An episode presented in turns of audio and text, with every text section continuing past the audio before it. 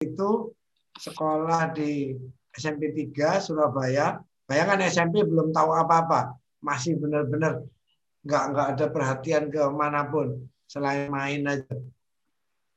Di dekat toko itu ada toko namanya Sinaryong. Terus dia tulisan ada DH Yong Sin. Itu nggak tahu bagaimana ceritanya bisa masuk ke otak saya. Oh sinar itu berarti sin itu ya. Oh. Itu itu nancep. Jadi lewat sekolah itu pasti lewat di tempat itu. Sinar Yong Yong Sin, Sinar Yong Yong Sin. DH kan berarti namanya dulu Yong Sin ya. Iya, iya. Nah, akhirnya itu Allah meletakkan itu ke dalam otak sinar sin, sinar sinar yong yong sin.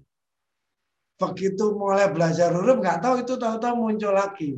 Di situlah akhirnya jadi propagation of light ya. Jadi uh, awalnya akhirnya ya nggak tahu Allah yang ngatur semuanya. Jadi hmm. kompilasi di otak itu akhirnya bukan sesuatu yang tidak bisa kita duga dan itu menjadi sebuah inspirasi atau keilmuan. Makanya diciptakan kita berbangsa-bangsa itu ternyata Allah meletakkan data informasi itu ada di setiap sudut dunia ini ya.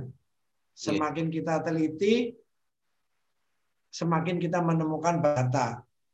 Dan kalau kita terkotak-kotak, kebencian kita terhadap sesuatu itu berlebihan, karena kebencian itu yang akhirnya membatasi informasi tersebut ya. Seharusnya kita mendapatkan hikmah dari situ, tetapi karena sikap kita sendiri sehingga informasi itu akhirnya kita sendiri yang bunuh. Oke, kita mulai Mas Fahmi. Kita mulai ya. Bismillahirrahmanirrahim. Assalamualaikum warahmatullahi wabarakatuh. Waalaikumsalam. Kita mulai kajian ini dengan bacaan asyhadu alla ilaha illallah wa asyhadu anna muhammadan abduhu wa rasuluh. Allahumma shalli wa sallim ala Muhammad wa ala alihi washabihi wa barik wasallim ajmain amma ba'du. Uh, hari ini kita belajar tentang kajian metodologi penelitian yang sebelumnya kemarin atau minggu kemarin sempat dilontarkan Ustadz Didi tentang kajian bulan-bulan Ramadan, Syawal, Rojab itu nih. Dan seterusnya untuk mempersingkat waktu, waktu dan tempat kita persilakan kepada Ustadz Didi. Enggak, Pak Didi. Oke. Assalamualaikum warahmatullahi wabarakatuh. Waalaikumsalam warahmatullahi wabarakatuh. Alhamdulillahi lahu ma fi samawati wa ma fil ardi wa lam fil akhirah wa huwa al-hakimul khabir. Asyhadu an la ilaha illallah wahdahu la syarikalah wa asyhadu anna Muhammadan abduhu wa rasuluh. Amma ba'du.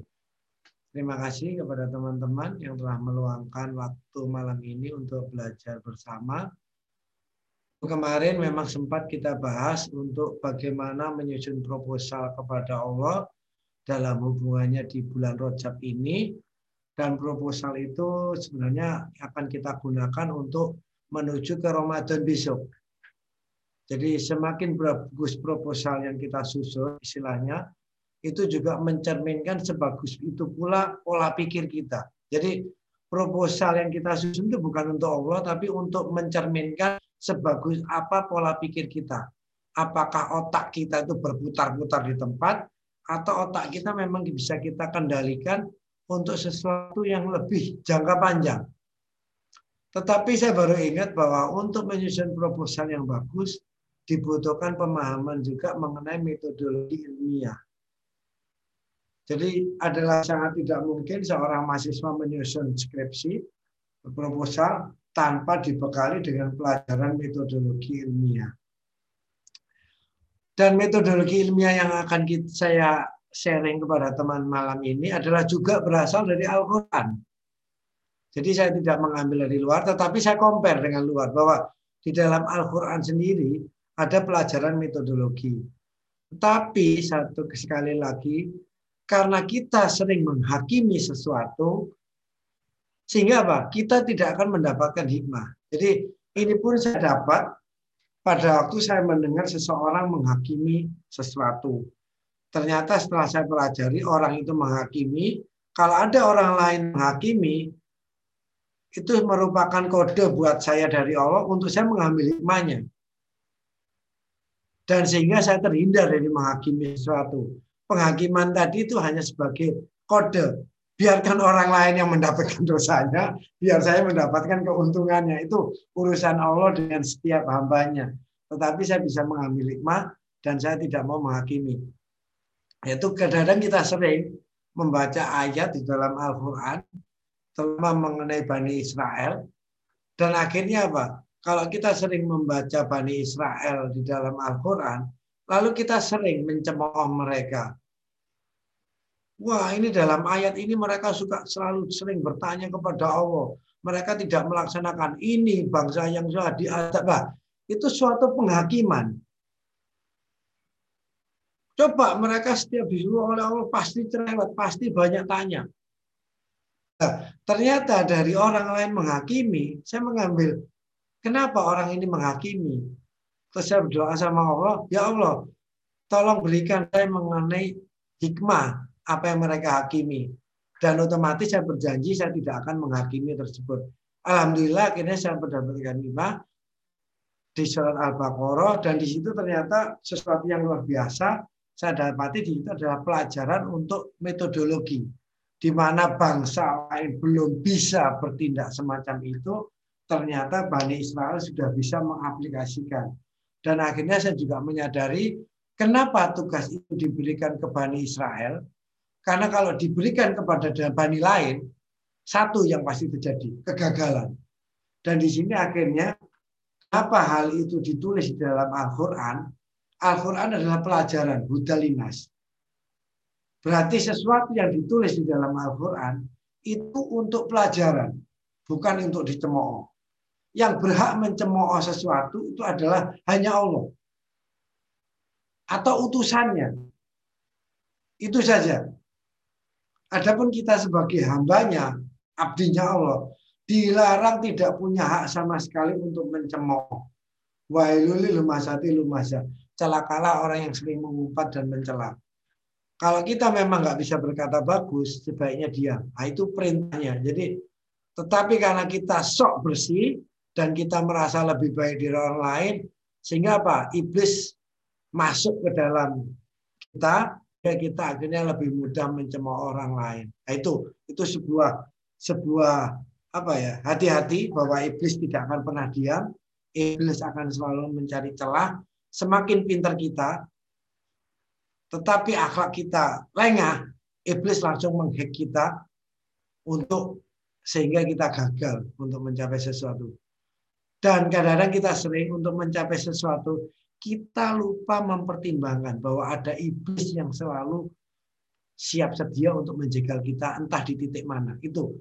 Dan peringatan Al-Quran, iblis adalah musuh yang nyata buat kita. Tetapi kadang-kadang kita sering untuk lupa untuk mempertimbangkan hal tersebut. Ini saya hanya mengingatkan lagi sehingga jangan lupa kita punya musuh abadi yang namanya iblis dan dia setiap saat siap menjaga di titik mana kita lengah. Nah, kita segera masuk kepada uh, PowerPoint, sharing screen, oke. Okay.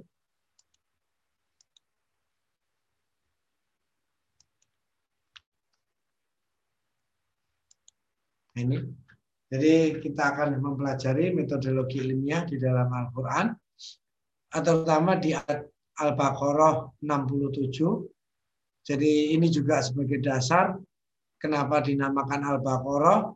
Satu sisi memang sebagai dinamakan sapi betina, karena di situ ada cerita ini, tetapi Al-Baqarah sendiri juga bisa bermakna bak sesuatu yang mendalam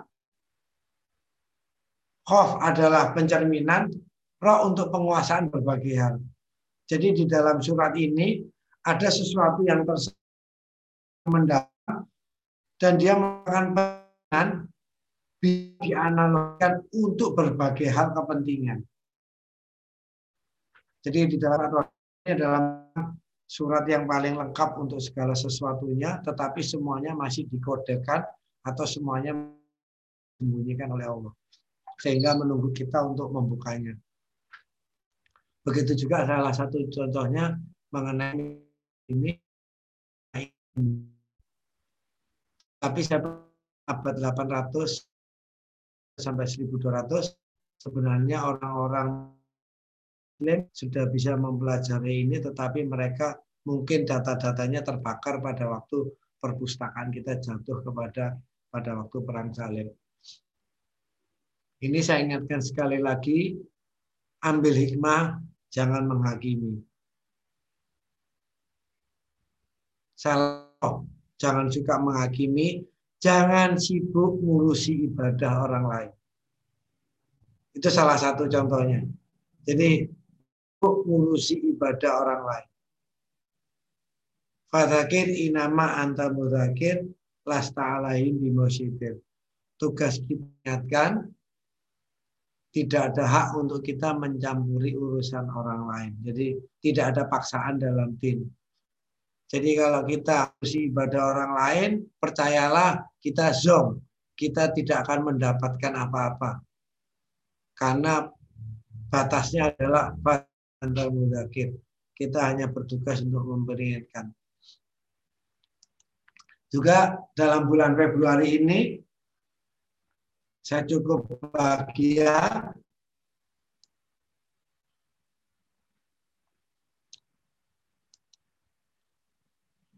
Jadi dalam bulan Februari ini Uni Emirat Arab UAE untuk memasuki orbit Mars. Berarti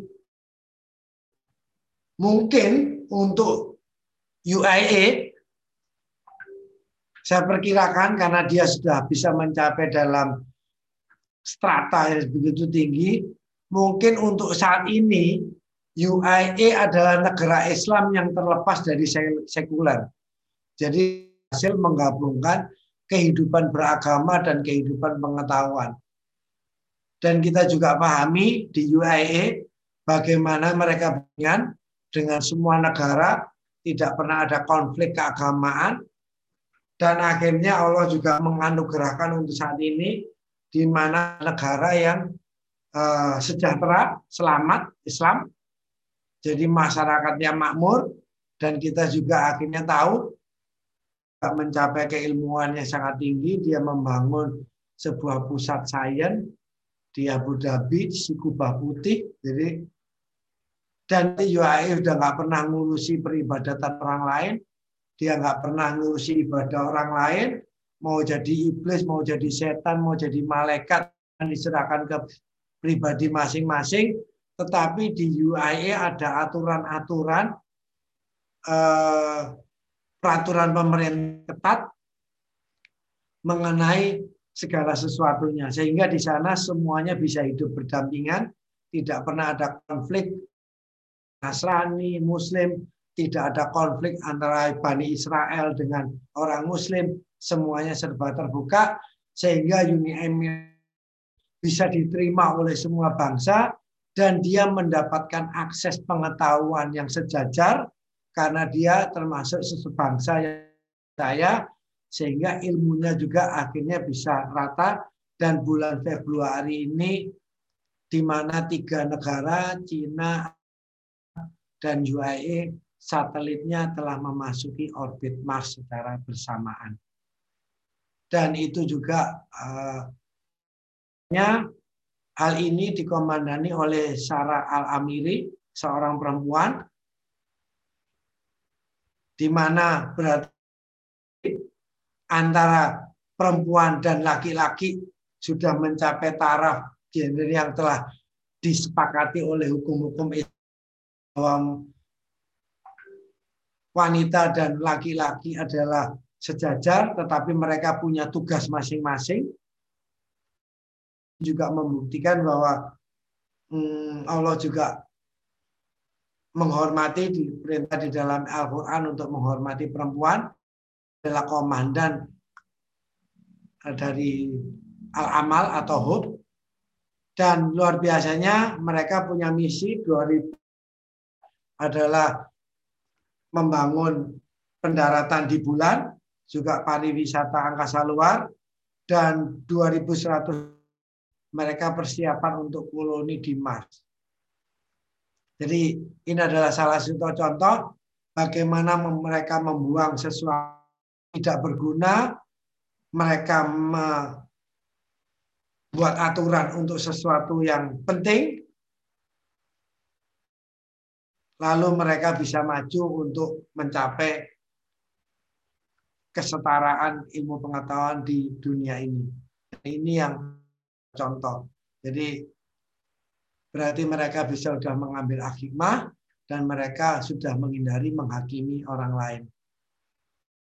Apa pun pendapat teman-teman itu saya kembalikan, tetapi kenyataan sekarang di UAE semuanya bisa berdampingan dan mereka membuktikan Islam yang tidak ada konflik dengan negara lain.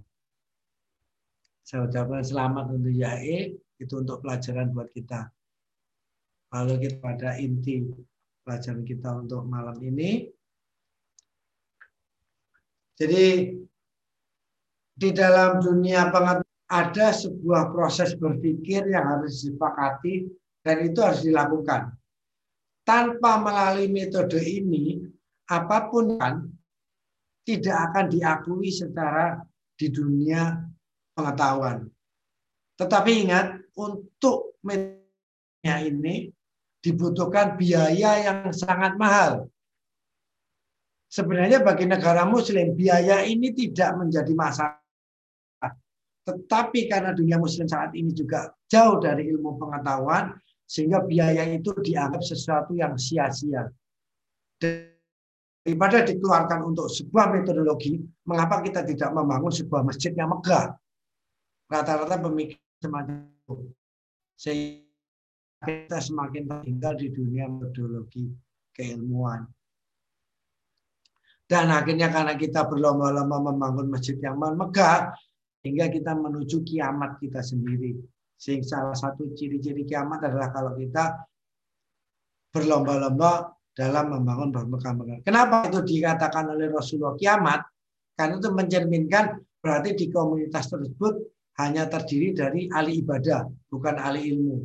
Kalau di dalam sebuah komunitas terdiri dari ilmu, mereka tidak akan membangun bermegah-megahan membangun masjid, tetapi mereka akan membangun betul ilmi, rumah-rumah ilmu pengetahuan akan dibangun. Masjid cukup yang sederhana dan fungsional. Tidak perlu bermegah-megah karena dipentingkan adalah isi dari masjid.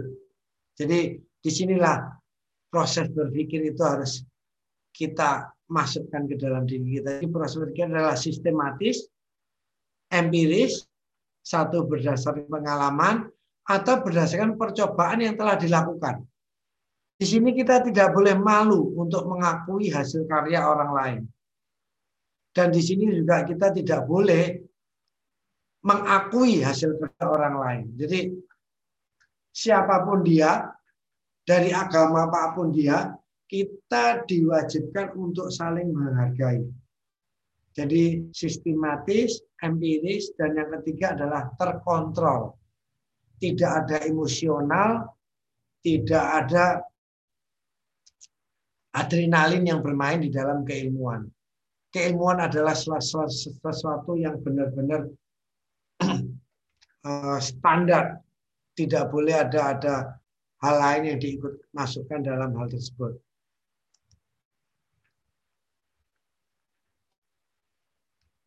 Jadi metode ilmiah ada proses ilmiah adalah merupakan proses keilmuan untuk memperoleh pengetahuan secara sistematis dan bukti-bukti secara fisis, fisik.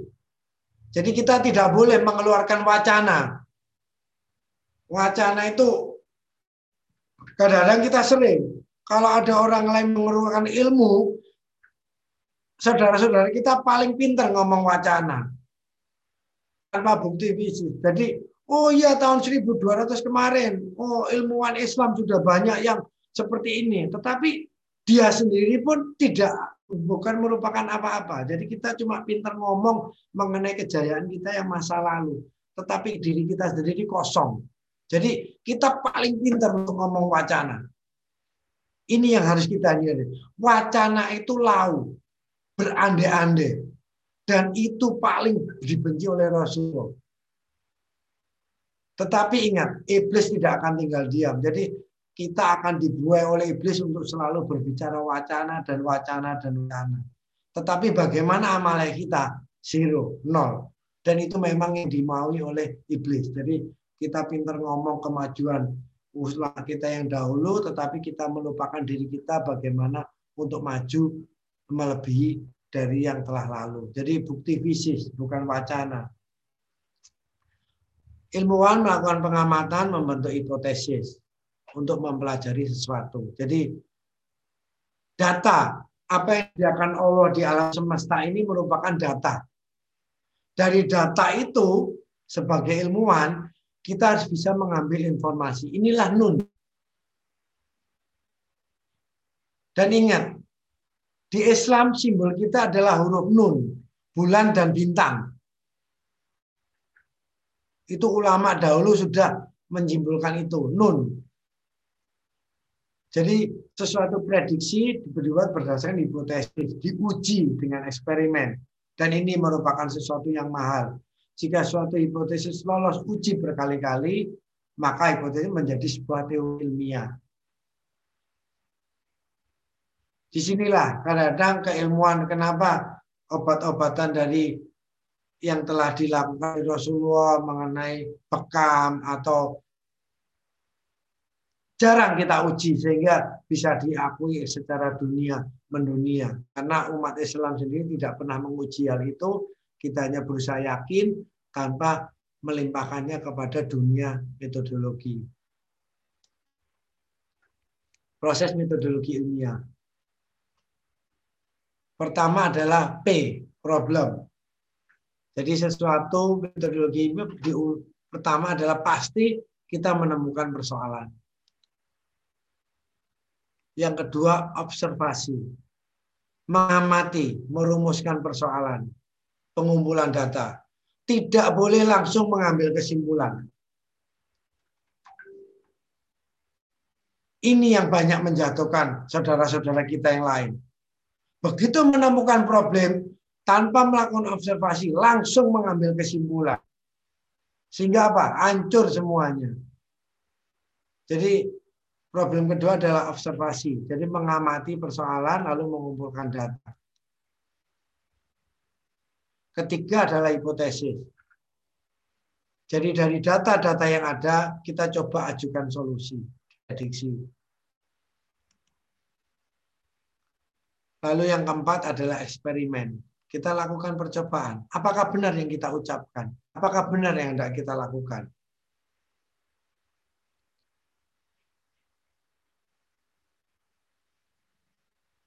ucapannya sederhana misalkan sering saya mendengar bagaimana kamu bisa kaya? Orang sholat aja kamu sering terlambat. Itu adalah konklusi yang yang yang langsung tanpa percobaan. Hanya karena emosional keagamaan. Padahal takmir sholatnya nggak pernah terlambat tapi juga kondisi ekonominya tetap aja seperti itu. Dan orang barat yang nggak pernah sholat ternyata lebih kaya daripada kita. Inilah ucapan-ucapan yang langsung ke kesimpulan tanpa observasi. Mungkin niatnya baik, tetapi dengan cara yang salah. Rezeki tidak ada hubungannya dengan peribadatan. Sholat itu pure sholat untuk menyembah Allah. Nggak ada hubungannya dengan kekayaan atau sesuatu hal. Nah, kita sering mengkait-kaitkan hal tersebut. Nah ini yang yang kadang-kadang karena apa? Proses pemikiran untuk beli orang tersebut sangat lemah. Sehingga walaupun dia kaya. Jadi di sini teman-teman juga jangan jangan jangan mengambil bahwa orang kaya itu pasti pintar enggak. Kaya miskin itu adalah urusannya Allah karena rezeki itu Allah yang menentukan. Tetapi apakah dia mempunyai pemikiran yang metodis? Itu lain lagi. Nah kita kadang-kadang terlena melihat orang kaya menganggap dia pasti benar. Enggak, enggak bisa semacam itu. Jadi saya sering melihat bagaimana orang kaya karena memang Allah mentakdirkan dia kaya. Tetapi otaknya parah saya juga pernah melihat. Jadi itu itu juga nggak bisa dibuat patokan. Jadi kita jangan melihat penampilan tetapi harus kita melihat bagaimana cara dia berpikir. Yang terakhir adalah konklusi, kesimpulan. Dan di sini di dalam metodologi orang melihat ada ada pohex supaya mudah diingat ya. Dan saya pikir ini adalah pelajaran dasar mata kuliah umum. Jadi bagaimana kita diajari untuk berpikir secara sistematis. Tapi mungkin kita sudah melupakan karena kuliahnya sudah lama dulu. Nah, ini ternyata sudah dilakukan di dalam Al-Quran. Sehingga bisa cross. Dan saya menemukan itu. Contoh kasus, akhirnya ah, ini kita menginjak. Jadi ini juga Mas Mami, bagaimana kita dulu belajar huruf, lalu bagaimana kita belajar kata, sekarang bagaimana kita belajar ayat. Jadi kita menginjak ke kasus Al-Baqarah 67 sampai 73 mengenai Bani Israel. Dalam contoh kasus ini, tolong teman-teman juga pahami bahwa kondisi saat itu tidak semudah sekarang. Padang pasir yang luas, alat komunikasi yang masih sederhana, transportasi yang lambat, manual.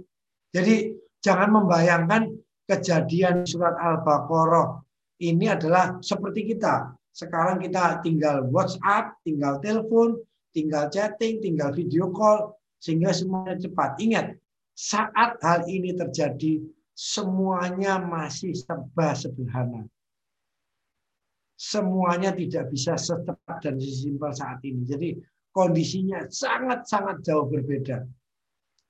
Jadi ini juga latar belakang dari ayat ini. Jadi mungkin seribu tahun yang lalu.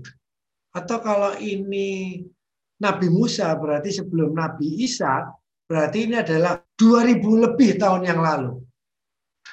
Karena penanggalan Masehi adalah 2021 sekarang, berarti ini Nabi Musa berarti mungkin 2100 atau 2300 tahun yang lalu. Kondisinya berbeda dengan saat ini. Saya nggak begitu kita apa berapa perbedaan antara Nabi Musa ke Nabi Isa. Berapa ratus tahun saya nggak begitu masai. Ini problematiknya. Dan ingatlah ketika kamu membunuh seorang manusia, lalu kamu saling tuduh. Dan Allah mencikapkan apa yang selama ini kamu sembunyikan. Ini problematik. Ada pembunuhan Lalu mereka saling tuduh.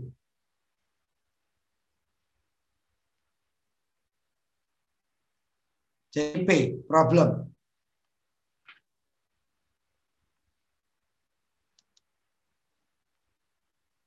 Hal pertama, masalah birokrasi, tatanan.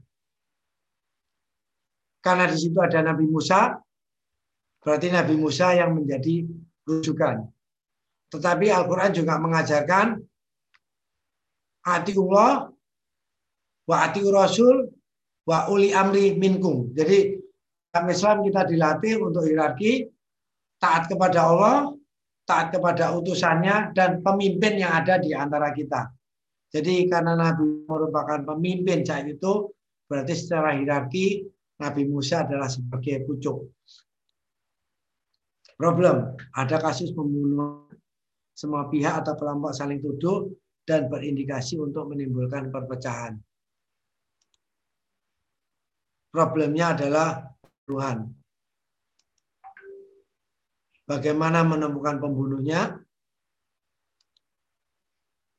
Lalu kita mengadakan observasi. Olah yang kedua. Mengamati, merumuskan pengumpulan data empiris forensik. Olah lebih mudah kita. Hipotesis prediksi, pengajuan solusi. Bertanya kepada Musa sebagai pemimpin. Lalu Musa memberikan solusi. Dan ingatlah ketika Musa berkata kepada kaumnya, Sesungguhnya Allah menyuruh kamu menyembelih seekor sapi betina.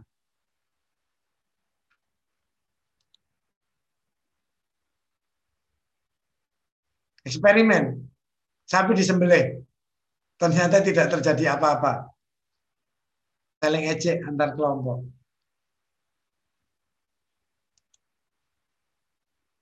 Lalu sebagai orang yang mereka merasa ada ilmu, mereka bertanya, antara pembunuhan dengan sapi betina ini apa hubungannya? Inilah, jadi kita sekarang mempelajari bagaimana pola pikir Bani Israel. Bagaimana mereka begitu menjadi cerdas. Karena untuk bisa menjadi cerdas dan pandai, itu tidak bisa seketika. Ada pola-pola yang harus kita ikuti. Jadi setiap apa yang datang ke mereka, mereka observasi. Lalu mereka tanya, apa hubungannya pembunuhan dengan sapi betina? Mereka sudah melakukan, mereka sudah sembelih, tapi tidak terjadi apa-apa. Lalu mereka mengajukan pertanyaan balik ke Nabi Musa. Apakah kamu tidak menjadikan kami buah ejekan?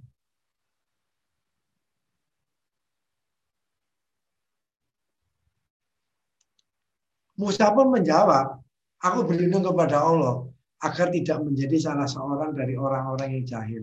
Jadi Allah meyakinkan mereka bahwa ada korelasi antara sapi betina dan pembunuhan untuk memecah polusi.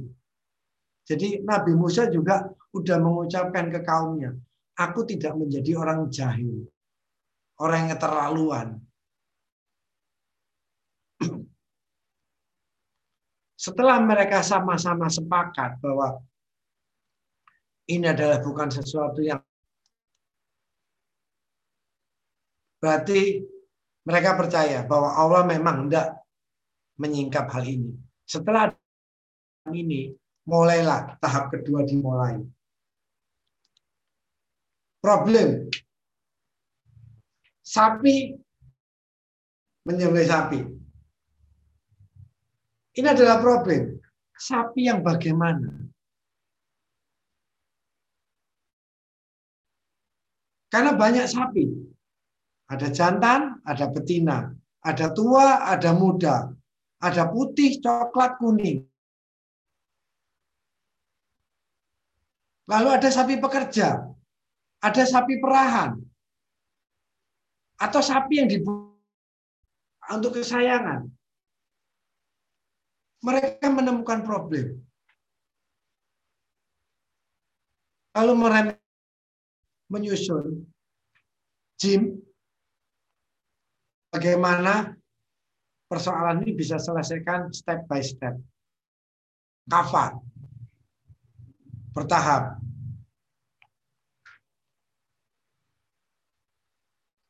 Lalu dari problem ini ini situasi aja biar nggak terlalu jenuh. Ternyata memang banyak jenis sapi. Coba jangan. Kalau kita yang disuruh, utusan kita ngomong ke kita, eh kamu beli sapi. Begitu kita sembelih nggak terjadi apa-apa, langsung kita tinggal. Kamu bohong. Udah selesai. Kita nggak bertindak apa pun. Nah inilah ada perbedaan pola pikir kita dengan pola pikir Bani Israel. Mereka pecahkan, kenapa asal sembelih nggak ada manfaat apa pun. Lalu mereka sepakat dengan Nabi Musa. Apakah kamu mau mengolok serius? Ini dari Allah untuk mengungkap masalah. Benar, ini dari Tuhan untuk mengungkap masalah. Oke, kalau ini memang dari Allah untuk kita cari. Berarti sapi yang bagaimana?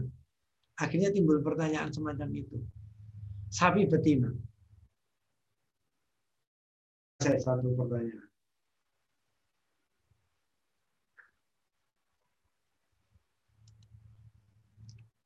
Mereka kumpul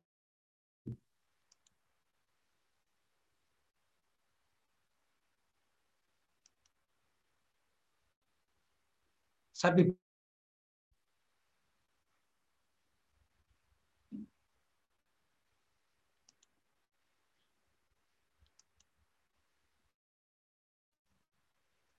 Ini ada di ayat Al-Quran. Al-Baqarah 68. Jadi hakikatnya observasi mulai ditanyakan, data mulai dikumpulkan.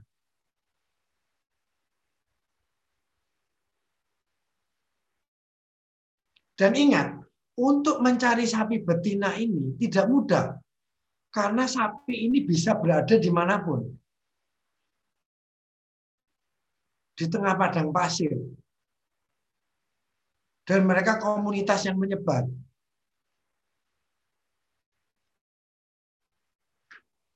Observasi kedua, sapi betina tidak tua dan tidak muda. Mereka urut lagi. Bani Israel mempunyai database. Berapa warganya yang punya sapi? Berapa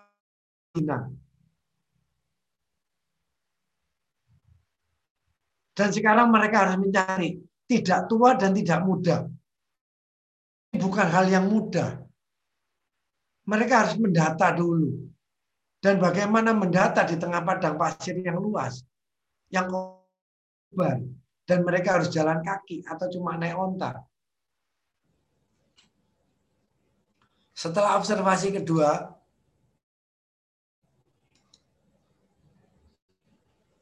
maka kerjakanlah apa yang diperintahkan kepadamu. Berarti sekarang data sapi betina yang umurnya pertengahan. Sanggup nggak kita melakukan hal ini? Bani Israel pada waktu itu sanggup di tengah keterbatasan kondisi yang ada. Maka mereka kerjakan.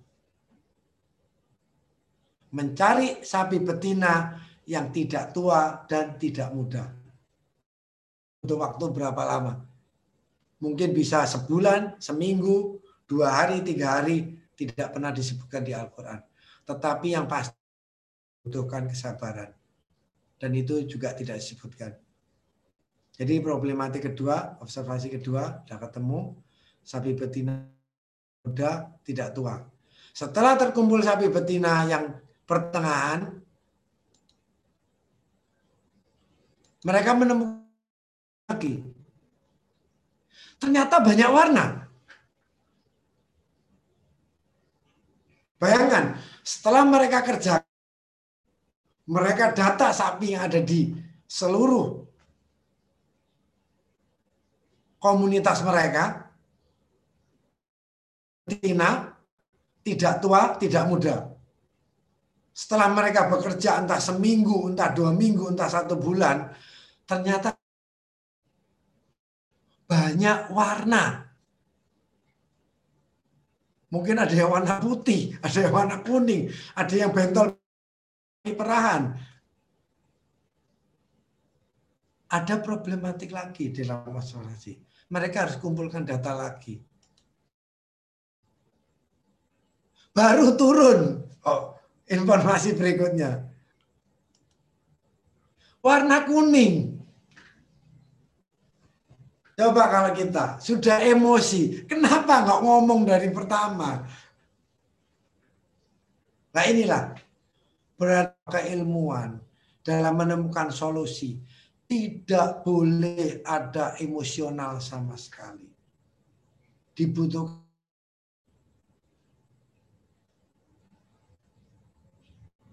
Lalu mereka menyebar lagi untuk meneliti data. Nggak untuk mencari sapi yang kuning. Berarti mereka udah punya database. Bisa sehari, seminggu, satu bulan. Oh, alam. Kuning tua warnanya. Dan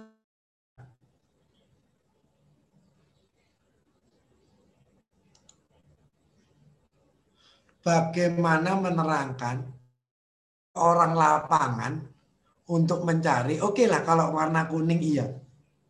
Kuning tua mungkin mereka punya menyenangkan orang-orang yang memandangnya. Ini sudah merupakan art of science.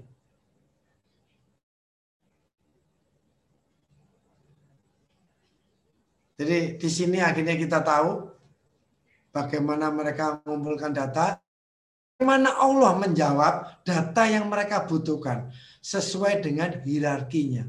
Berarti di sini apa? Allah ingin mendidik manusia bagaimana cara mengumpulkan data step by step dengan kesabaran. Berarti ketemu lagi sapi betina tidak muda, tidak tua, pertengahan, warna kuning. Dan kuning yang menyenang.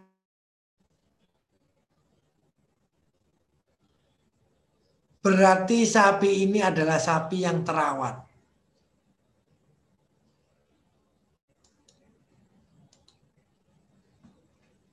Ternyata ada problematik lagi.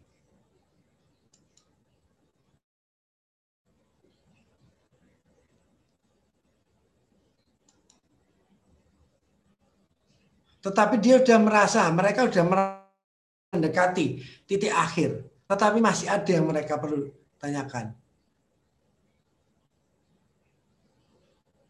Maka mereka pun bertanya ke Musa dan Nabi Musa mendapatkan jawaban dari Allah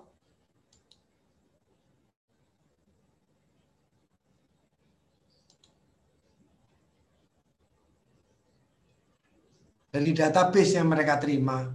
Mereka cari lagi. Ternyata sapi yang menyenangkan itu banyak juga yang berwarna kuning. Atau sapi yang berwarna kuning banyak juga yang menyenangkan. Lebih dari satu, berarti banyak. Lalu mereka memilah lagi. Sapi kuning yang menyenangkan warnanya dengan warna kuning tua. Ternyata banyak. Lalu harus bagaimana untuk lebih spesifik lagi? Ternyata Allah menurunkan lagi data, belum pernah dipakai untuk bajak tanah, dan tidak pula untuk mengairi tanaman. Bayangkan, berapa kali mereka harus balik di dalam komunitas mereka yang cukup luas, dengan situasi yang sangat sederhana, mereka harus bisa melaksanakan perintahnya Allah. Tidak bercacat, tidak ada belangnya. Mulus.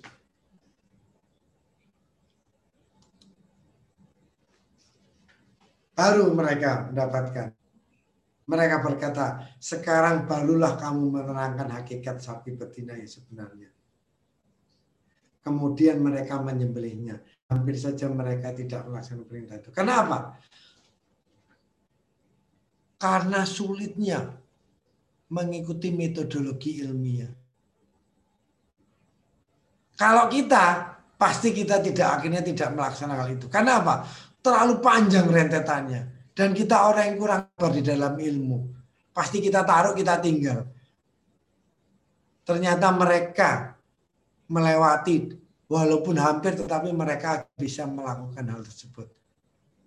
Kemudian mereka menyembelihnya.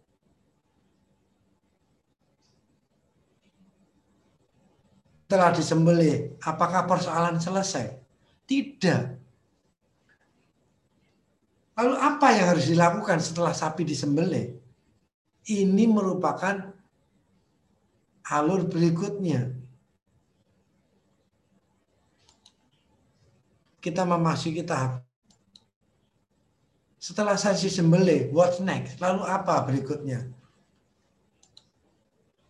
Lalu Allah menurut pukullah mayat itu dengan sebagian anggota sapi.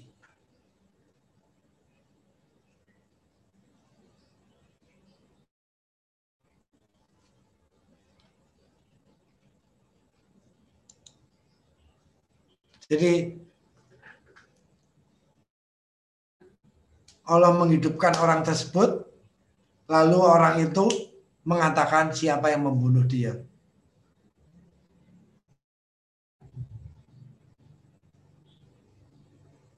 Betapa Allah mengikuti keinginan orang yang punya ilmu sampai sesuatu yang tidak masuk akal pun sampai diperlihatkan.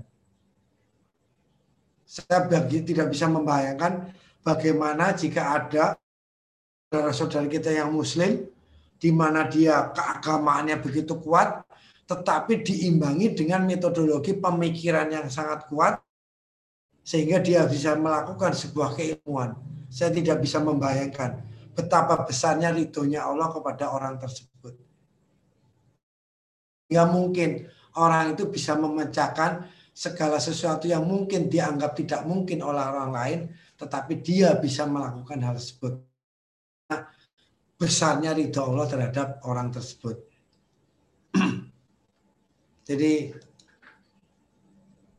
kita menganugerahkan hikmah kepada siapa yang digandakinya. Jadi tidak ada bisa mengatur Allah untuk menurunkan hal hikmah. Menurunkan kepada siapa saja yang digandakinya.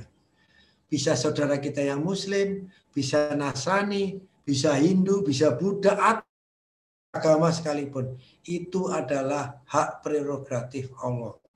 Siapa yang bisa memenuhi prosedur Allah, dialah yang bisa mendapatkan. Allah Maha Adil. Dan barang siapa yang dikari lima, maka dia benar-benar telah karunia. Dan hanya orang berakalah yang dapat mengambil pelajaran. Ternyata al-hikmah itu bisa diambil oleh orang yang akal. Jadi berbahagialah orang yang punya akal, berbahagialah orang yang punya ilmu, semakin di, semakin pula dia dibukakan pintu ilmu pengetahuan oleh Allah. Selama dia mengikuti prosedur yang telah ditentukan. Dan ini juga mengikis kita, janganlah kita sombong karena kita telah menjadi Islam. Justru Islam kita harus semakin tawadu, semakin sederhana, dan semakin rendah hati. Karena dengan itulah Allah semakin sayang dan dengan hal itu kita menjadi semakin pandai dan kita bisa menjadi wakil Allah untuk di muka bumi ini. Hidayah. Wassalamualaikum warahmatullahi wabarakatuh. Waalaikumsalam warahmatullahi wabarakatuh.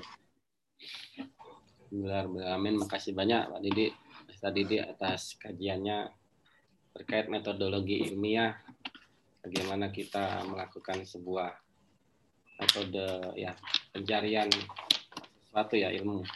Atau mungkin dari kata itu ada kata bayinah juga nih Pak Didi? Apakah itu termasuk juga metode metode ilmiah juga? Jadi bayan. bayan ya mubin bayan. Okay. bayinah iya. Bak ke belakang. Ya segala sesuatu non data informasi. Jadi sesuatu yang mubin itu adalah sesuatu yang bayan. Sesuatu dianggap bayan kalau kita telusuri ke belakang data informasinya jelas. Di situlah menjadi baina, sesuatu yang tidak bisa diubah. Karena sejarah itu adalah sesuatu yang tidak bisa kita ubah. Kecuali kalau itu memang ada kesengajaan untuk dibelokkan atau ditutup-tutupi. Berarti yang bayan tadi termasuk di observasi ya, data empiris itu ya? Ya, jadi kita telusuri sejarah ke belakang. Mubin. Oke. Kita belajar hadis pun sanat perawi itu juga mubin, bayan ya. Ini siapa, bagaimana mendapatkannya, dari mana, dari mana, sehingga sampai tersambung kepada Rasulullah. Iya sehingga sampai akun apakah dia pernah bohong, dia pernah ini, walaupun dia benar 100%, tapi kalau ada seseorang yang pernah bohong, bayangkan sampai dia di blacklist untuk agar kita lebih berhati-hati. Luar biasa sebenarnya bimbingan keilmuan di Islam ini. Sampai di hadis pun kita sebenarnya sudah diajari metodologi ya. Bagaimana sanat perawi itu sudah tetapi ingat, iblis tidak pernah tinggal diam. Jadi iblis tidak nganggur. Itu itu itu yang harus kita sadari. Oke, uh, demikian uh, kajian yang uh, disampaikan tadi terkait dengan metode ilmiah dari surat Al-Baqarah ayat 67 sampai 73 tadi. Kita langsung buka ke pertanyaan atau tanya jawab ya, Pak Didi.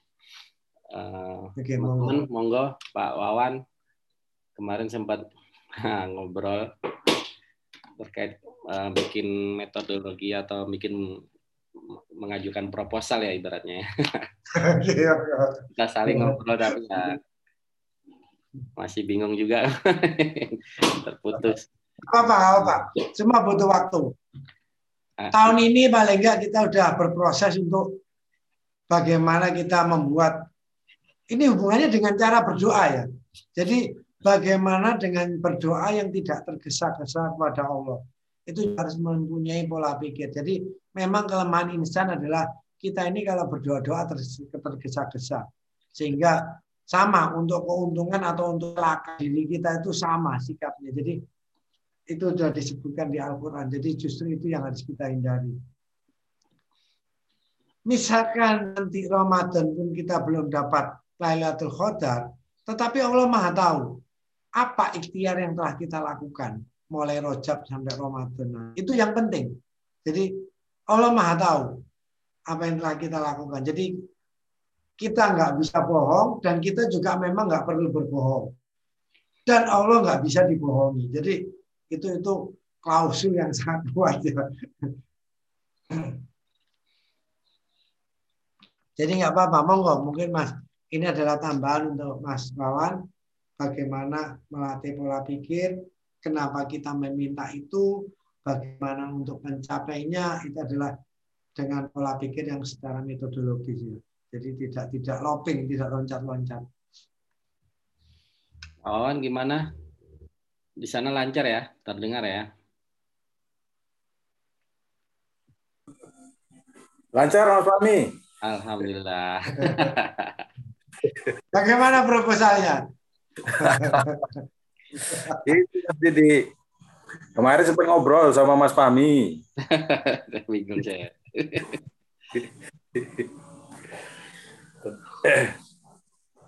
Ya, gimana gimana mau nggak Pak Wan? Langsung ke Pak Didi jadi biar apa Pak?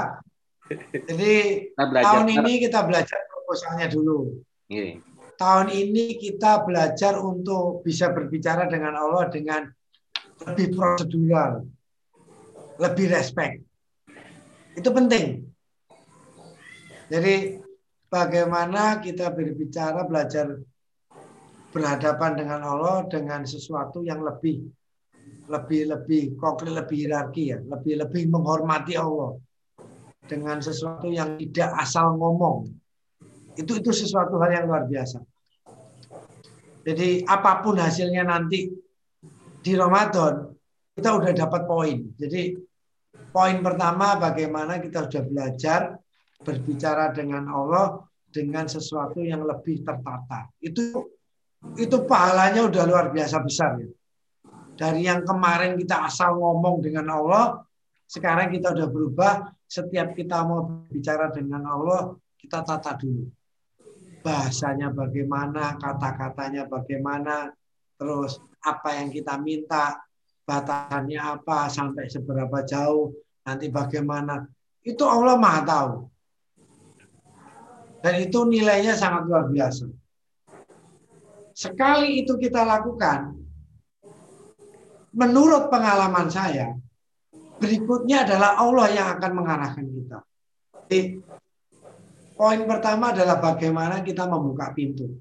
Setelah pintu terbuka, percayalah, Allah nanti mendriving otak kita untuk seperti ini, kamu seperti ini, kamu seperti ini. Itu yang paling mahal. Jadi yang tadinya kita melakukan kesalahan, nggak tahu bagaimana caranya, Allah itu nanti akan membetul, membuat betul.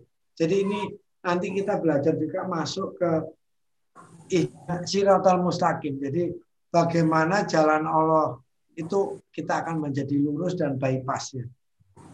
Situ Mas Darman. Jadi Mak bro, jangan pernah ada takut. Jadi salah itu normal. Jadi manusia yang baik itu bukan manusia yang nggak salah.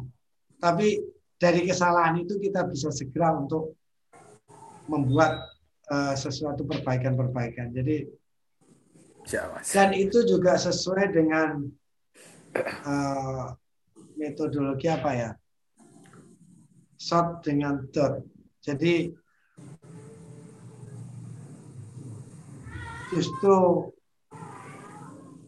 dot itu biru, shot itu adalah sesuatu yang murni adalah putih tapi kemudian tetapi akhirnya apa jika putih dicampur biru itu menjadi white blue ya sesuatu yang lebih menyenangkan sesuatu yang yang lebih cerah. Dan itulah yang keluar dari tangannya Nabi Musa adalah warna white blue. Jadi putih kebiru-biruannya jadi tetapi ingat warna biru juga bisa membuat mata kita sehingga ada juga blue filter untuk monitoring sehingga kita lebih safe. Jadi itu semua berhubungan dan tidak tidak tidak terputus. Jadi orang yang salah dot orang yang baik bukan orang yang short 100% bukan. Orang baik itu orang yang dot tetapi dia tahu bagaimana dotnya dia dia shotkan. Jadi orang yang baik itu bukan orang yang meninggalkan dunia ini, bukan. Orang yang jauh dari dunia ini bukan. Orang yang baik adalah orang yang bisa mengelola dunia ini untuk dia serahkan kepada Allah. Jadi bullshit orang yang menghindari dunia, dia hidup di pucuk gunung, nggak menyentuh kekayaan, nggak pernah menikmati ini, nggak menikah. Itu bukan orang yang ke akhirat, bukan itu orang yang bodoh. Orang yang pintar di dunia ini adalah orang yang bisa menikmati dunia ini dengan sewajarnya, tetapi itu dia serahkan kepada Allah. Jadi bagaimana sesuatu yang dot dia raih untuk dia shotkan kepada Allah. Ini yang susah. Karena apa? Kalau orang udah meraih, biasanya kelepasan, kebablasan sehingga dia lupa shot. Ini problematik keimanannya dia. Tapi orang yang imannya kuat, dia nggak takut. Semacam saya pelajari, maaf, ini juga menginjak bukan untuk apa. Pada waktu saya pelajari Taliban, waktu dia setelah pecah dengan Mujahidin, mereka melarang televisi. Nah inilah ketakutan mereka terhadap sesuatu, televisi dianggap sanggup meruntuhkan iman seseorang. Televisinya yang dilarang. Bukan keimanan yang ditingkatkan untuk mengalahkan televisi. Ini pola pikir yang terbalik. Orang yang memang benar-benar kuat keimanannya, televisi, internet, atau apa pun, dia nggak jauh tetapi dia bisa kontrol internet yang bagaimana harus dia buka, bagaimana yang harus dia tonton, berapa jam dia harus nonton sehari, bukan terus dia. Nah di sinilah, terus bukan TV-nya yang dilarang.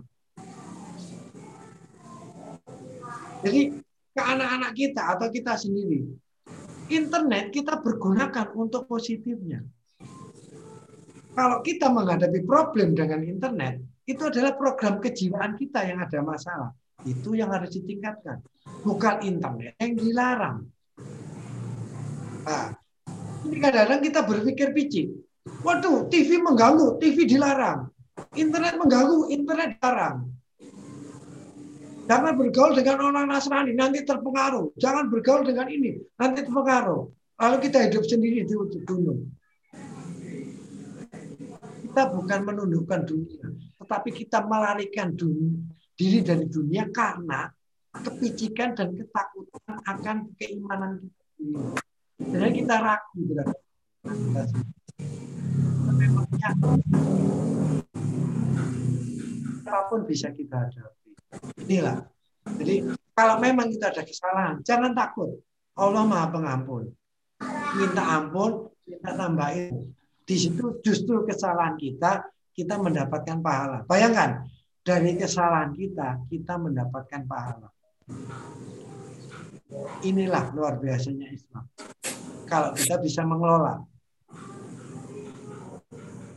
Dari luar biasanya dunia, kita justru bisa meraih akhirat kita. Jadi Al-Quran itu petunjuk untuk mengalahkan menghadapi dunia ini. Bukan untuk melatih diri dari dunia. Jadi kita jangan kalah dengan dunia. Hadapi dia. Mau ke mana kita hadapi. Dan kita nggak boleh kalah. Kalau kalah sekali-sekali normal. Observasi, pelajari, keluarkan jurus yang baru. Ya. Sampai seberapa jauh ilmu kita menghadapi dunia. Jadi itu itu gentle, itu itu orang yang tak, orang yang tangguh.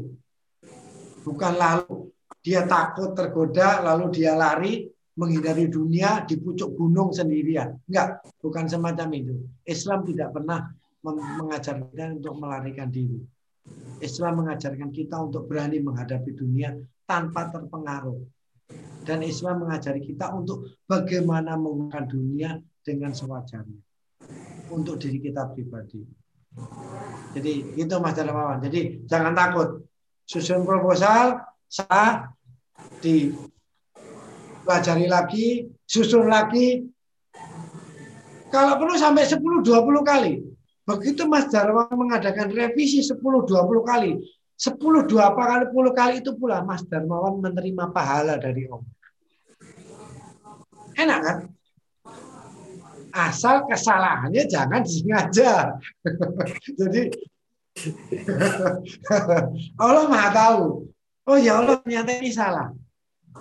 Bayangkan, saya pernah mengerjakan database selama satu tahun, dua tahun setelah itu saya menyadari, oh ini ternyata salah. Hanya dua keputusan saya. Kalau saya mas, ini saya teruskan. Dengan alasan, dengan berbagai perbaikan. Atau kalau pengen itu Allah, buat baru. Tetapi hasil kerja setahun, dua tahun, musnah saya pilih hasil kerja setahun dua tahun pusat asal Allah ridho. Akhirnya apa? Saya percaya ternyata hasil kerja saya setahun dua tahun walaupun salah tetapi karena mencari ridho untuk Allah pasti Allah membayar hal itu. Jadi ini positif. Allah itu maha pemurah. Nah, kita harus Mas Darmawan uh, percayai Allah ini maha pemurah pahala nggak pernah ada habisnya sehingga kita tidak mudah berputus asa. Dan ingat, kalau kita udah di jalan ilmu, kalau kita salah, kita masih dapat satu. Kalau benar, kita dapat dua. Jadi seorang ilmuwan tidak akan pernah rugi. Kenapa Allah bertindak semacam itu? Agar orang tidak kapok dalam dunia ilmu kita salah, fatal karena niatnya untuk cari ilmu untuk Allah, masih dapat satu. Benar dapat dua. Terus kenapa kita harus takut? Jadi ini semangat untuk Mas Darman atau teman-teman lainnya. Bagaimana kita berhadapan dengan Allah untuk masalah keilmuan. Jangan pernah takut. Asal kita serius, saat kita masih dapat satu benar kita langsung dapat double dua. Jadi monggo Mas Darwan nanti itu disusun ulang, diskusi dengan teman, apakah ini. Jadi ada waktu yang banyak untuk kita belajar. Sehingga tahun depan kita lebih baik lagi, tahun depan. Sehingga kalau tahun ini salah, waktu habis, kita langsung berharap, ya Allah sampaikanlah aku kepada Ramadan atau tahun depan. Sampaikanlah aku kepada Rojab tahun depan untuk aku supaya menjadi lebih baik. Itu kan pengharapan yang luar biasa. Jadi bayangkan kita berdoa untuk ingin ketemu Ramadan tahun depan hanya untuk meningkatkan ilmu kita dalam rangka menyenangkan Allah. Itu sesuatu yang luar biasa. Benar atau salah, ikhtiar kita sudah dihitung. Kita sudah dapat sesuatu yang luar biasa besar pahala dari Allah. Karena Allah Maha tahu bagaimana kita serius, bagaimana yang telah kita lakukan. Itu Mas Darmawan untuk untuk nambah semangat kepada teman-teman yang lain. Hasil itu nomor seribu. Allah itu nggak butuh hasil. Allah itu hanya butuh ikhtiar kita. Oke. Jadi Islam itu menghargai proses, bukan hasil. Tapi hasil menyenangkan kalau kita tahu memang. Kenapa Mas Ami? eh, apa itu namanya kadang misal kita baca hadis gitu kan Eh, apa itu namanya tapi ternyata setelah saya kemarin nyari-nyari lihat-lihat apa itu namanya eh, video dari YouTube itu Pak Didi tentang penelitian orang-orang luar negeri malah justru saya lihat loh ini kan memperkuat hadis yang ada gitu akhirnya Ya. penelitian malah yang dilakukan atau yang diteliti orang luar negeri malah yang ini apa itu namanya eh, memperkuat hadis-hadis yang ada gitu loh bukan malah penelitian dari ya mungkin saudara kita ada juga jadi itu sebagai Masalahnya satu, ikhtiar yang dia dia yang dihargai Allah ini bukan kita kan? Oke. mereka menemukan Itulah. ya itu tadi lah Ba- banyak sih kalau saya lihat maksudnya lihat oh ternyata kayak gini ya jadi orang-orang eh, luar negeri itu kan sudah mulai melakukan apa ya perubahan pola pikir bahwa bangun jam 4 itu bangun di waktu itu tuh bangun yang terbaik gitu.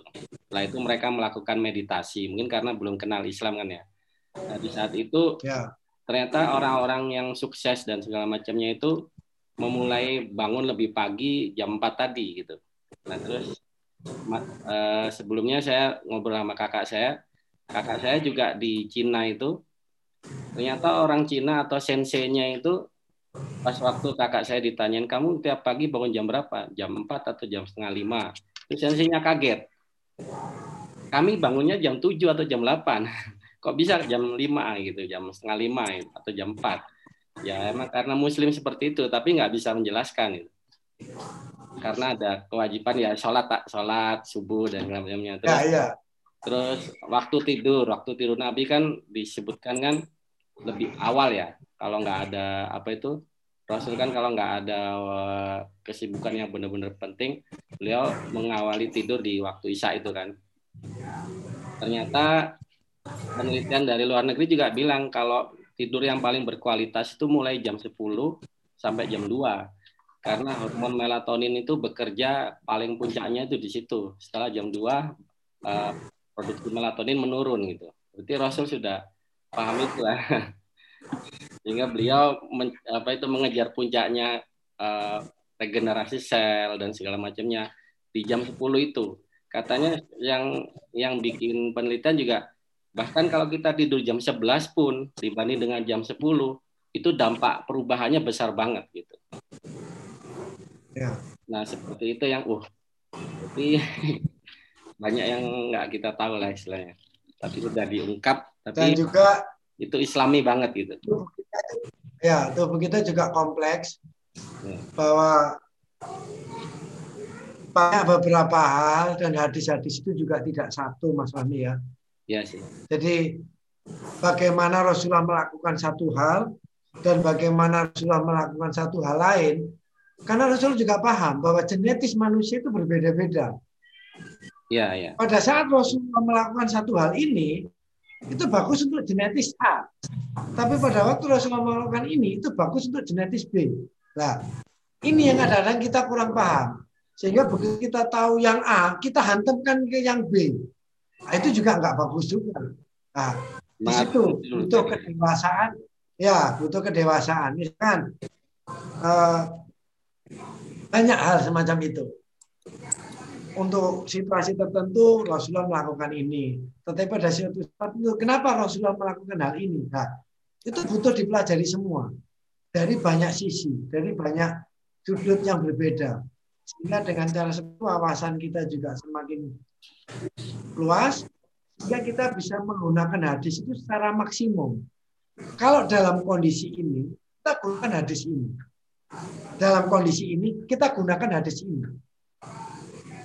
Tetapi ada pembatasan juga. Oh nggak bisa. Kalau kamu ikut masuk ini, kamu harus lakukan ini. Kamu nggak boleh melakukan hadis ini. Lah, itu juga sebuah problem lagi. Iya kan? Kadang-kadang kan kita juga ada yang kalau udah ikut masab ini nggak boleh melakukan ini oleh masab lainnya. Mas Fahmi punya solusi hal itu. Misalkan yang hadis ini dilakukan oleh Masab A. Ternyata ada hadis lain diadopsi oleh Masab B. Yang A nggak boleh melakukan B. Padahal genetisnya dia adalah cocok dengan B. Nah, ini juga problematik. Bagaimana kadang kita mengkotak-kotak. Padahal penghubungan masab ini adalah untuk memudahkan pembelajaran. Bukan untuk mengkotak-kotak seseorang. Tapi saya berbicara ini pun juga ada ketakutan juga. Bagaimana? Saya bisa menimbulkan konflik terhadap saudara-saudara kita yang lain. Apalagi ada pertanyaan dari anak saya. Ayah ikut masab yang mana? Lalu kalau kita bertanya, Rasulullah ikut masab apa? Nah, di sinilah. Sehingga dibutuhkan kedewasaan. Bagaimana untuk menghadapi apa memperlakukan sesuatu dalam Islam ini sungguh dalam, pelajarannya juga kompleks, tidak bisa kita pandang. Ah, paralak Mas Fahmi ya. Kenapa kita harus ya, pelajari paralak? Ya, dari sudut yang berbeda ternyata sesuatu yang sama. Mas Fahmi mungkin berbicara masalah subuh. Tetapi kenapa Rasulullah juga melarang kita sholat pada waktu terbit matahari atau tenggelamnya matahari? Itu juga problematik. Coba Mas Fahmi pelajari. Azan kita sekarang untuk duhur, itu pas matahari tegak lurus. Itu dilarang Rasulullah atau maghrib. Maghrib kita itu pas pada waktu matahari 90 derajat tegak lurus sejajar dengan kita. Itu juga dilarang. Karena di situ ada dua tanduk setan. Ada green flash. Apakah kita sudah mempelajari sampai hal itu? Lalu bagaimana efeknya terhadap pola pikir kita, kesehatan kita? Itu nggak kita sebelah. Akhirnya itu saya pelajari sendiri. Itu saya lakukan sendiri. Sehingga apa? Keuntungan itu akhirnya saya ambil sendiri. Kenapa nggak saya share? Saya takut menimbulkan konflik dengan saudara-saudara kita yang lain. Nah, ini juga sebuah problematik di dalam dunia kita.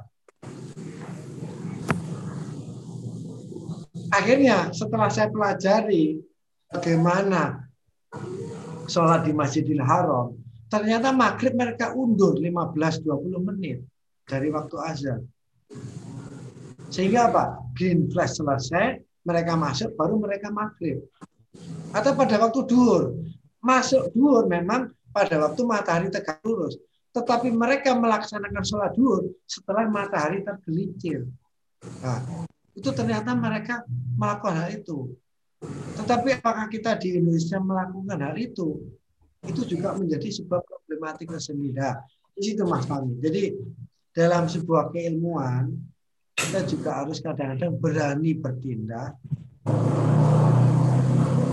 melakukan sesuatu yang di luar hukum masyarakat tetapi tidak untuk menghakimi seseorang. Ini penting Mas Jadi iya. istilahnya kita tidak butuh pengakuan orang lain. Dan di Islam juga sudah menegaskan tidak ada paksaan dalam din. Jadi kita tidak perlu memaksa juga orang lain untuk percaya dengan apa yang kita lakukan. Percaya ya monggo silahkan lakukan. Tidak percaya kita juga tidak ada masalah. Nah di situ, ini ini ini kepandaian kita dalam menelaah dalam sebuah ilmu. Kita cuma hanya butuh pengakuan dari Allah, tidak butuh pengakuan dari Allah. Di situ akhirnya kita tenang ilmu kita semakin tinggi, kita tidak stres. Kadang-kadang yang problematik adalah kita butuh pengakuan dari orang. Kalau orang lain tidak mengakui apa yang telah kita lakukan atau telah kita temukan, kita marah. Sehingga kita tambah stres. Itu juga problematik dari seorang ilmu. Orang yang mendapat ilmu. Makanya huruf ini pun Mas Fahmi, saya santai. Biar Allah yang meresapkannya. Saya mau terkenal, nggak terkenal, saya mau ini, nggak. Saya nggak mau ambil pusing. Saya bekerja, dari gaji saya, saya riset, ilmu ini bisa berkembang, nanti saya simpan di komputer, ada orang mau monggo, orang mau monggo. Tetapi yang pasti, saya mendapatkan keuntungan dari hal itu. Adapun orang lain mau mengambil keuntungan atau tidak, itu juga terserah Allah. Apalagi ada handicap. Dari seorang seribu ahli ibadah, satu orang yang ditakdirkan Allah menjadi ahli ilmu. Berarti kita juga nggak boleh bernafsu di sini. Dari seribu orang, saya menemukan satu orang saja yang bisa. Itu sebuah anugerah yang luar biasa. Jadi di sinilah sehingga kita apa? Kita terlepas dari emosional. Dan di situ akhirnya kita bisa kita tenang. Akhirnya kita menghindari konflik dengan orang lain. Nah, di situ Mas Fahmi. Jadi konteks-konteks metodologi bagaimana kita bisa memanage emosional kita itu sangat sangat penting. Makanya saya sangat takut sekali pada waktu Mas Fahmi emosional gara-gara hal politik itu saya pernah sangat takut terhadap hal itu. Kenapa? Sangat disayangkan kecerdasan Mas Fahmi, hmm. pola pikir aku itu bisa rusak gara-gara emosional semacam itu. Itu itu yang pernah saya saya takatkan. Sehingga apa yang saya lakukan? Saya cukup berdoa yang banyak. Selamatkan orang ini ya Allah. Selamatkan orang ini. Jadi kadang-kadang itu yang ada bisa kita lakukan. Dan doa itu bisa merubah takdir. Oke, okay, apa lagi? Monggo teman-teman yang lain. Yusuf, monggo. Yusuf, Pak Toto, ada pertanyaan? Pak Toto tidak bisa komen. Oh, Peralatannya ya. ada. Pak Adilah, Mas Adilah, Pak Adilah nih. Pak Adilah, Pak Ridhowi juga mungkin. Atau Mas Wawan, ada tambahan pertanyaan? Atau Mas Wawan sendiri? Pak Wawan kemarin risetnya gimana Pak Wawan pengennya? Kan pengen apa untuk untuk Ramadan? Bisa diceritain tuh Pak. Judulnya dulu, judulnya apa? Judulnya. Assalamualaikum. Dengar Mas. Waalaikumsalam warahmatullahi wabarakatuh. Ah, jadi ini apa Mas Didi sama Mas Fahmi lah ini ya.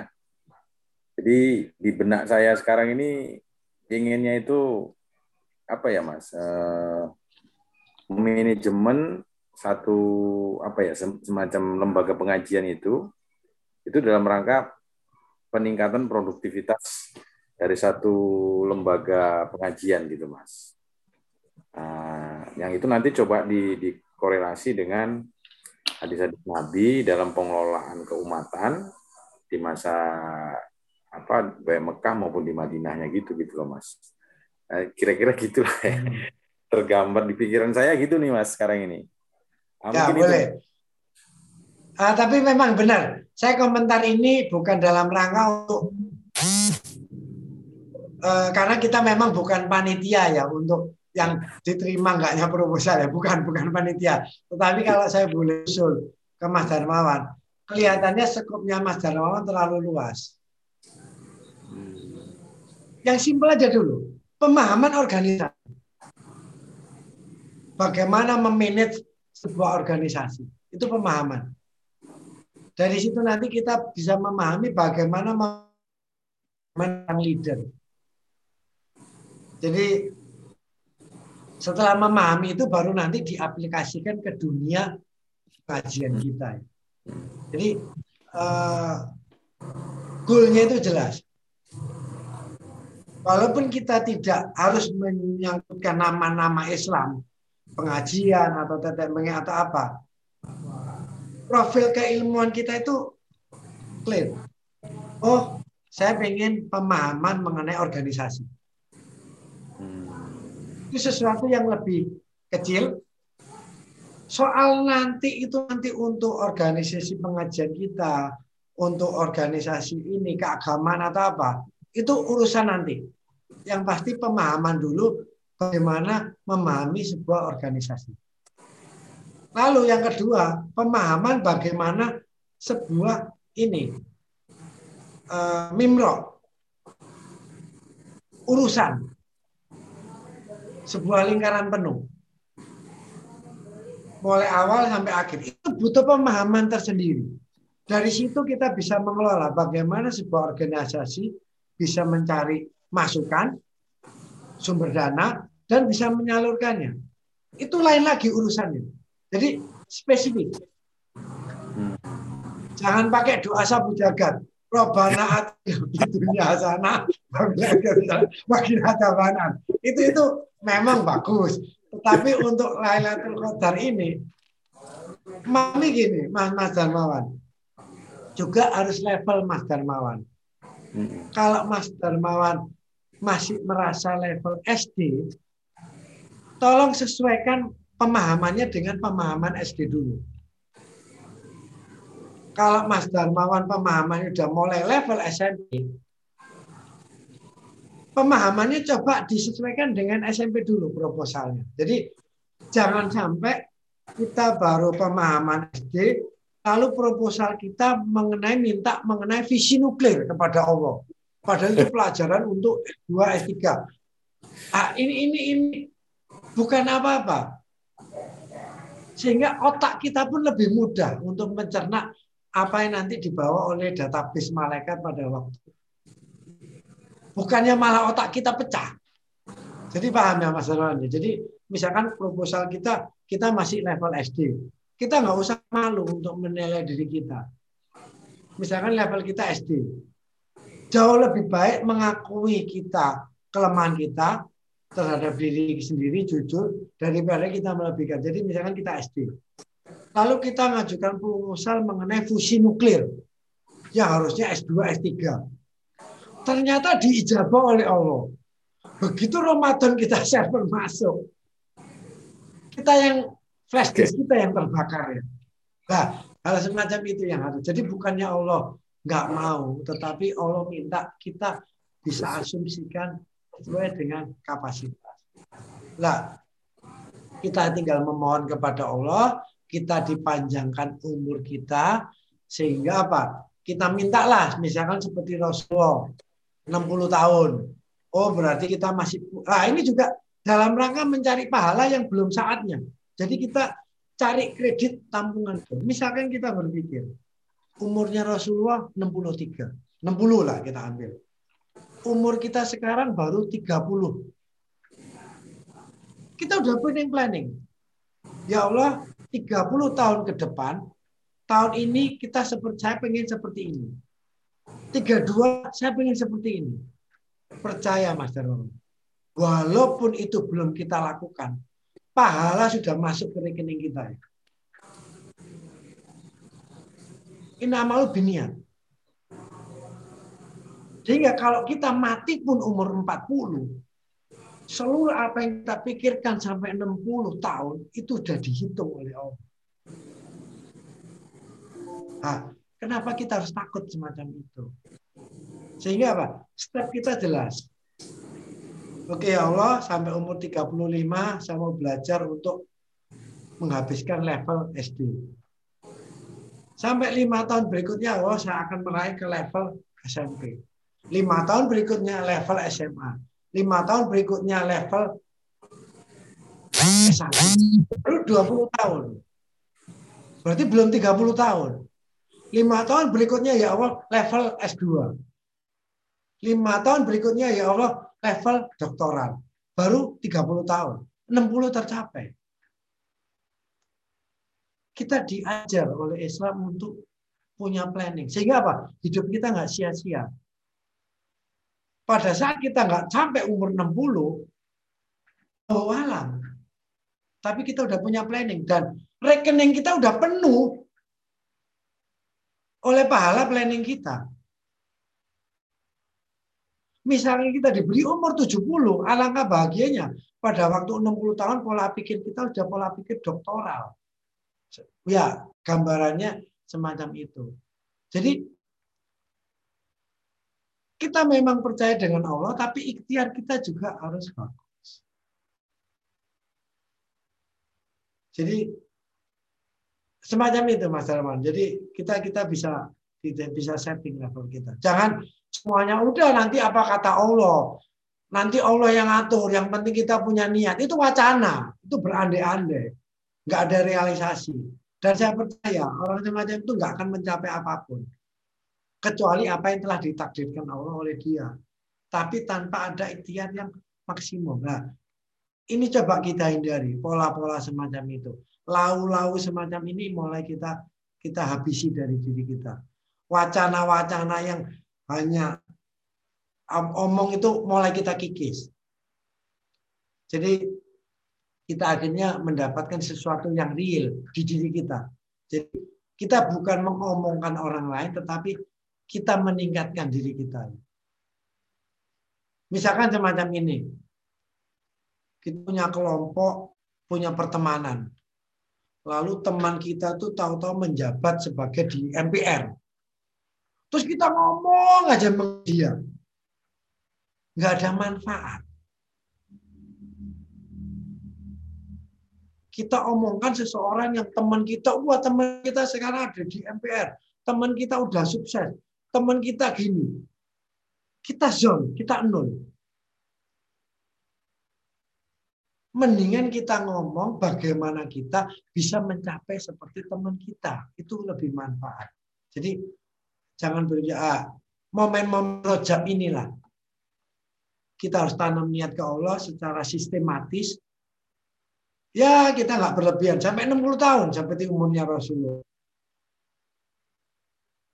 Sehingga kita nanti akhirnya apa? Selama 30 tahun ke depan, pada saat kita menghadapi rojab, pada saat kita sudah punya program yang tertata. Bayangkan, kita sudah punya planning 30 tahun ke depan. Malaikat bingung begitu nggak itu. Tapi Allah Maha Pemurah. Itu Mas Jadi jangan takut untuk memplanning. Tetapi ingat, tapi saya percaya begitu Mas Darmawan sudah mulai membuka komunikasi dengan Allah, Nanti Allah yang membimbing Mas Darmawan. Jadi Mas Darmawan akan menjadi lebih bagus, lebih bagus dan lebih bagus lagi. Itu itu sudah rezeki Allah punya rencana kepada tiap makhluknya. Jadi di sini kita hanya membahas untuk bagaimana membuka titik awal itu aja. gitu Mas Darmawan. Jadi jangan takut revisi proposal sampai seribu kali selama seribu kali itu pun Mas Darmawan dapat pahala dari Allah. Karena mau revisi itu sudah berarti berarti sudah mau ikhtiar. Daripada tidak pernah membuat proposal sama sekali. Berarti nggak pernah mendapat apa pun.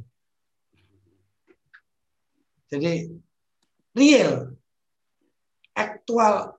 Jadi sesuatu yang aktual yang harus kita lakukan. Jangan wacana. Sekali lagi jangan wacana. Iya, wacana. itu saya masukkan ke laut itu. Berandai-andai. Coba kita seperti saudara kita yang tahun 800, tahun 1200 yang lalu. Kita bisa menguasai dunia. Kita bisa ini. Apalagi sebentar lagi Isra Mi'raj. Oh Rasulullah udah Isra Mi'raj. Nabi kita udah. Itu wacana. Tapi Alhamdulillah UAE sudah sampai Mars. Jadi sudah ada yang mewakili dari saudara kita yang Muslim untuk bisa sudah sampai sana. Jadi walaupun saya belum bisa apa, tapi cukup bangga. Tapi itu pun juga nggak bagus karena kita juga harus memacu bisa seperti mereka ya. Monggo, Mas Rami, lainnya atau cukup? Teman-teman gimana? Atau malah pening teman-teman? Apakah perlu nanti tiap progres itu dibahas gitu kan Pak Didi? Atau gimana tuh ya? Kenapa Mas Mami? Jadi tiap progres misal kayak Pak Wan tadi, oh dikecilin aja skupnya dulu, terus setelah dapat itu perlu konsultasi juga atau uh, apa itu namanya misal konsultasi kayak gini bagusnya di forum ini atau uh, privat aja gitu Pak Didi? Gak apa-apa. Mungkin selama tiga bulan ke depan ini, jadi selama rojab dan Ramadan, mungkin sebelum pengajian kita bisa sebenarnya bukan konsultasi sih, kita sharing. sharing. Dan ingat, kita bukan panitia pelolosan proposal. Jadi ingat, kita bukan panitia. Jadi kita tidak punya hak untuk menilai proposalnya orang itu ini diterima Allah atau tidak. Bukan, bukan. Bukan semacam itu. Kita jauh dari itu. Kita tidak belajar bareng ya. Ya, kita cuma semacam belajar. Kayak tadi, ya mungkin proposal Mas Darmawan menurut saya mungkin terlalu luas. Bisa diskopkan lebih. Sehingga lebih mudah untuk nanti. atau bagaimana? Itu nanti kan kita bisa punya pengalaman masing-masing. Oke, siap, siap. Tetapi itu tidak ada maksud sama sekali untuk kita sebagai enggak enggak ada. Kita bukan panitia proposal, jadi kita itu yang perlu dipahami. Jadi enggak apa-apa. Mungkin sebelum pengajian, Pak Didi, kalau untuk judul semacam ini bagaimana? Mas Fahmi lalu mutusi, oh ini nanti gini, ah itu mungkin bagus sehingga kita saling saling saling ajar ya, saling belajar ya. Oke. Dan saya mungkin bisa nimpali sedikit atau mungkin nanti ada teman. Nggak apa-apa Mas Fami. Selama tiga bulan. Nanti ini nanti tiga bulan depan lagi. Tahun depan lagi mau masuk rojab kita semacam itu lagi. Insya Allah semakin lama semakin bagus. Oke, siap, siap. Momen tiga bulan ini. Sampai Ramadan saya anggap masih korelasi lah untuk melatih kita uh, apa, mencapai pendidikan untuk metodologi kita. Monggo, nggak ada masalah. Sebelum pengajian mungkin kita bisa ngobrol sedikit. Oke. Uh, Pak Wan ada mau diomongin? Coba di unmute dulu Pak, tadi ke ke mute. Ah. Oke Mas Pami, dengar ya? Gimana? Ya, zip. Ah, jadi ini Mas Pami. Jadi kalau misalnya tadi dihubungkan dengan metodologi Bani Israel dalam merumuskan satu masalah. Jadi kalau dihubungkan dengan rencana proposal saya itu kan tentang manajemen organisasi. Nah, apakah nanti di situ juga kita menentukan organisasi yang bagaimana, organisasi yang berasaskan ya, sesedetail yang seperti yang metode Bani Israel itu gimana kira-kira kalau gitu Pak Didi? Eh, enggak apa-apa. Hmm. Jadi setiap organisasi mewakili tujuan-tujuan tersendiri. Hmm. Kalau memang mampu di situ. Jadi eh, hidup itu jelas ya kita mau ke mana ya. Hmm. Karena prinsip organisasi adalah untuk membantu mempercepat sebuah proses daripada itu dikerjakan secara sendiri. Jadi ingat, fungsi organisasi adalah bagaimana sesuatu bisa dikerjakan secara jemaah. Itu fungsi organisasi. Sehingga pada waktu fungsi itu sudah tercapai, organisasi bisa dibubarkan.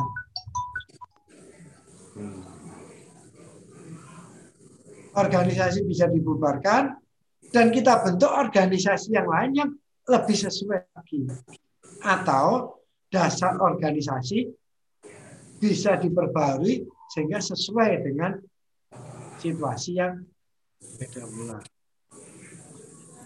Itu itu jauh lebih dewasa daripada satu organisasi terlalu luas, nggak tahu ke mana sehingga semuanya diurusi. Sehingga sesuatu yang nggak kompeten akhirnya masuk masuk dan akhirnya semacam square wave ya. Sehingga kacau nggak tahu ke mana akhirnya. Dan akhirnya ada sebuah ketaklitan kepada organisasi tersebut sehingga tujuan yang lebih tinggi terlupakan gara-gara kecintaan yang berlebihan terhadap organisasi itu sendiri. Paham Mas Darmawan ya? Jadi ya, ya. Nah, jadi tujuan Islam yang lebih tinggi itu terhambat gara-gara kecintaan terhadap organisasi ini lebih tinggi daripada kecintaan terhadap Islam itu sendiri. Itu yang kadang-kadang menghalangi. Jadi ingat organisasi hanyalah sebuah kendaraan untuk mempercepat tujuan kita. Jadi jamaah itu 27 kali lebih cepat daripada sendiri-sendiri. Itu itu cuma ketahuannya semacam itu. Jadi Mas Darmawan juga eh, pencapaiannya scope by scope sehingga nanti kalau Ah, sistem modul Mas Darmawan ya. Sesuatu yang kecil, kecil, kecil, kecil akhirnya bisa dirangkai menjadi sesuatu yang modul yang lebih besar.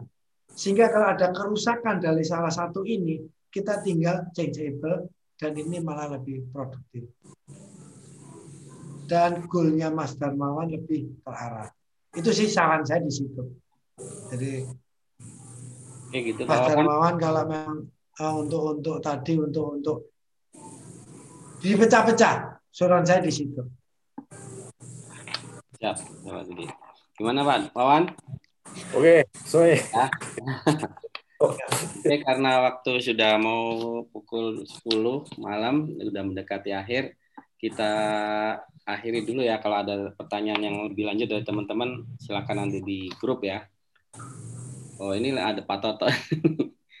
oh, itu mungkin pertanyaan terakhir ya. Selain contoh yang di Al-Baqarah tadi, apa masih banyak contoh metodologi ilmiah di Al-Quran? Gimana, banyak. banyak. Banyak. Cuma ini yang paling mudah.